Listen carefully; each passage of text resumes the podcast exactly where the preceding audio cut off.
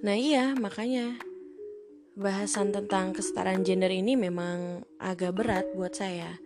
Jadi saya harus ya melakukan riset, baca-baca literatur dari berbagai macam perspektif gitu saya kumpulkan dan akhirnya saya buat satu kesimpulan seperti apa kesetaraan gender di dalam perspektif saya.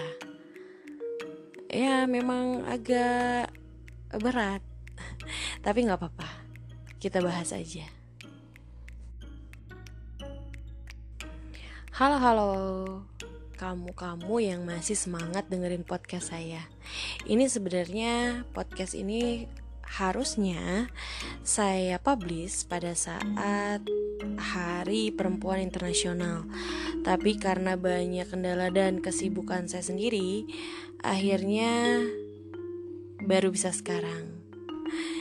Jadi, selamat mendengarkan ya. Sempat ditanya, apa sih makna seorang perempuan? saya jawab aja, setiap perempuan itu memiliki kekhasannya sendiri, daya tariknya sendiri, dan kecerdasannya yang masing-masing itu tidak dapat digeneralisasikan begitu saja. Misalnya menganggap bahwa perempuan itu merupakan second sex atau yang lainnya. Perempuan satu dengan perempuan yang lain mempunyai arti tersendiri yang dalam dan kuat dalam berbagai konteks di kehidupannya. Saya harap makna perempuan untuk kamu juga sangat baik dan positif ya. Kalau ngomongin tentang perempuan, buat saya itu tidak bisa lepas dari kata feminis. Feminis itu adalah seseorang yang memperjuangkan hak-hak perempuan untuk mendapatkan tempat di lingkungan publik seperti dalam sosial, politik, hukum, seni, dan budaya. Nah, Feminis sendiri adalah gerakan dan ideologi yang memperjuangkan kesetaraan bagi perempuan. Namun, perlu digarisbawahi ya, bahwa feminisme ini bukanlah ideologi yang membenci kaum laki-laki. Saya khususnya adalah perempuan yang menikah dengan laki-laki, dan saya mencintai kesetaraan gender. Jadi buat saya tidak ada masalah hidup berdampingan dengan laki-laki, kecuali mungkin ada beberapa oknum dari laki-laki yang suka melakukan penindasan terhadap perempuan. Nah, kalau itu sih saya sudah sangat geram duluan. Karena banyaknya perempuan yang merasa ditindas, termasuk saya pada awalnya, saya melihat perempuan ditindas bukan hanya berbeda secara jenis kelamin saja, namun secara aktif memang dikendalikan, disubordinasi, dicetak, dimanfaatkan, dan adanya eksploitasi seks oleh laki-laki. Maka, lahirlah ideologi feminisme ini di dalam hati saya.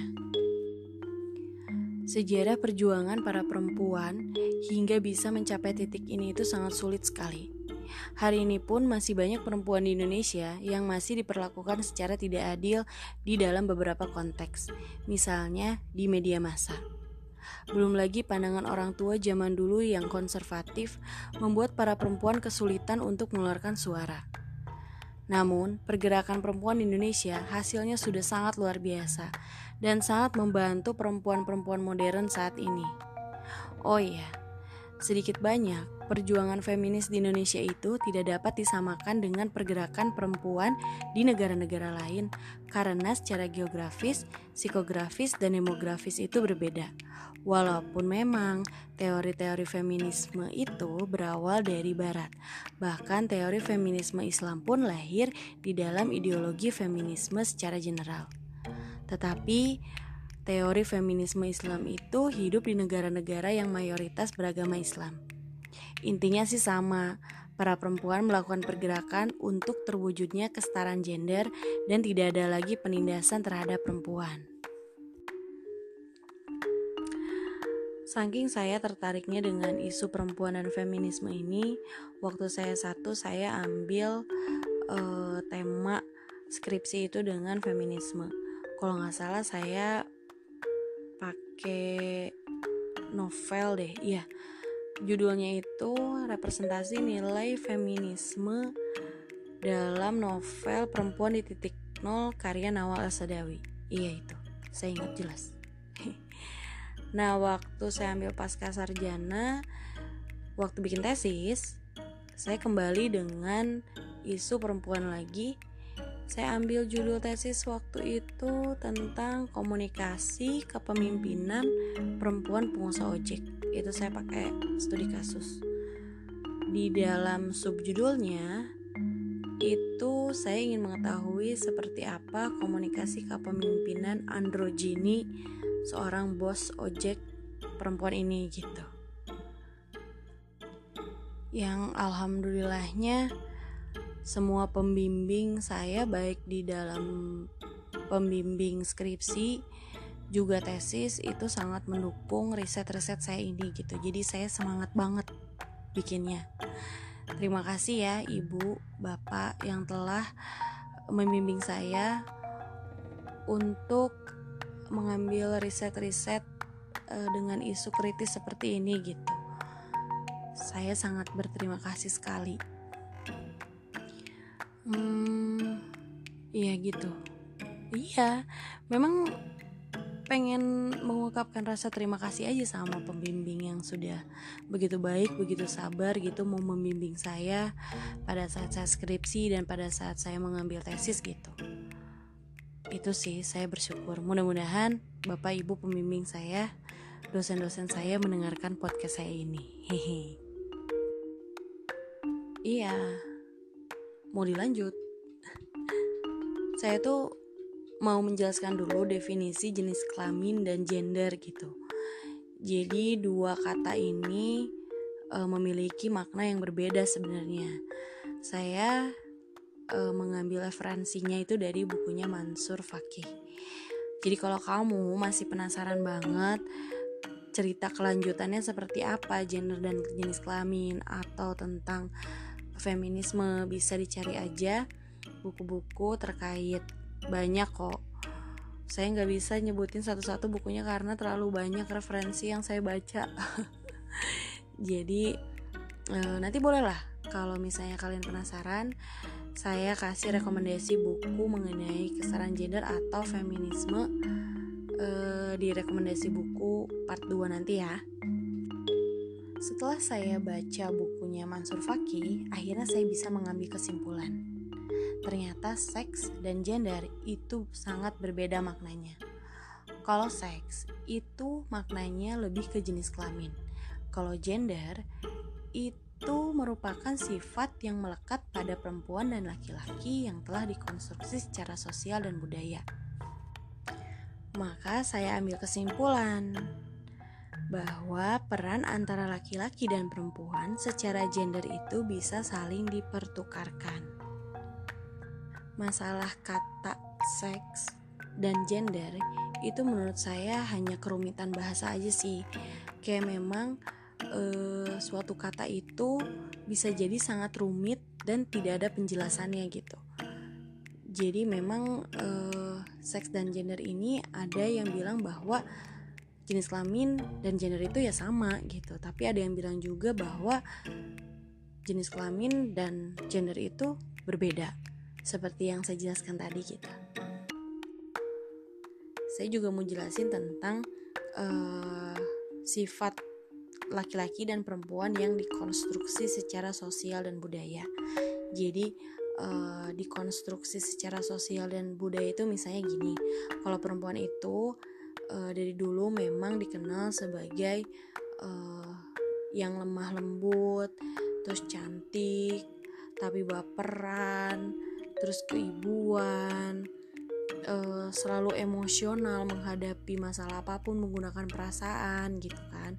Kalau misalnya laki-laki itu dianggap kayak sangat rasional, penuh dengan logika, terus kuat juga Nah, perubahan kayak gitu tuh terjadi dari waktu ke waktu. Jadi kalau di zaman dulu itu ada suatu suku yang menganggap bahwa perempuan lebih perkasa dibanding laki-laki dan ada juga zaman yang menjelaskan bahwa laki-laki itu uh, sangat kuat dibandingkan perempuan gitu. Jadi perempuan itu harus selalu dilindungi kayak gitu. Nah, si sifat-sifat itu itu terjadi dari masa ke masa terus dari proses yang sangat panjang sehingga dibentuk dikonstruksi secara sosial dan juga budaya sehingga sifat-sifat tersebut itu terlihat sebagai kodrat yang lahiriah dan diberikan oleh Tuhan.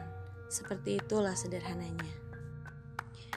Jadi kalau perempuan menuntut kesetaraan gender, bagi saya sih nggak masalah. Toh yang diinginkan oleh perempuan itu adalah peran yang dimiliki oleh laki-laki dapat juga dimiliki oleh perempuan dalam segi sosial, pendidikan, pekerjaan, politik, hukum, budaya, seni, dan lain-lain.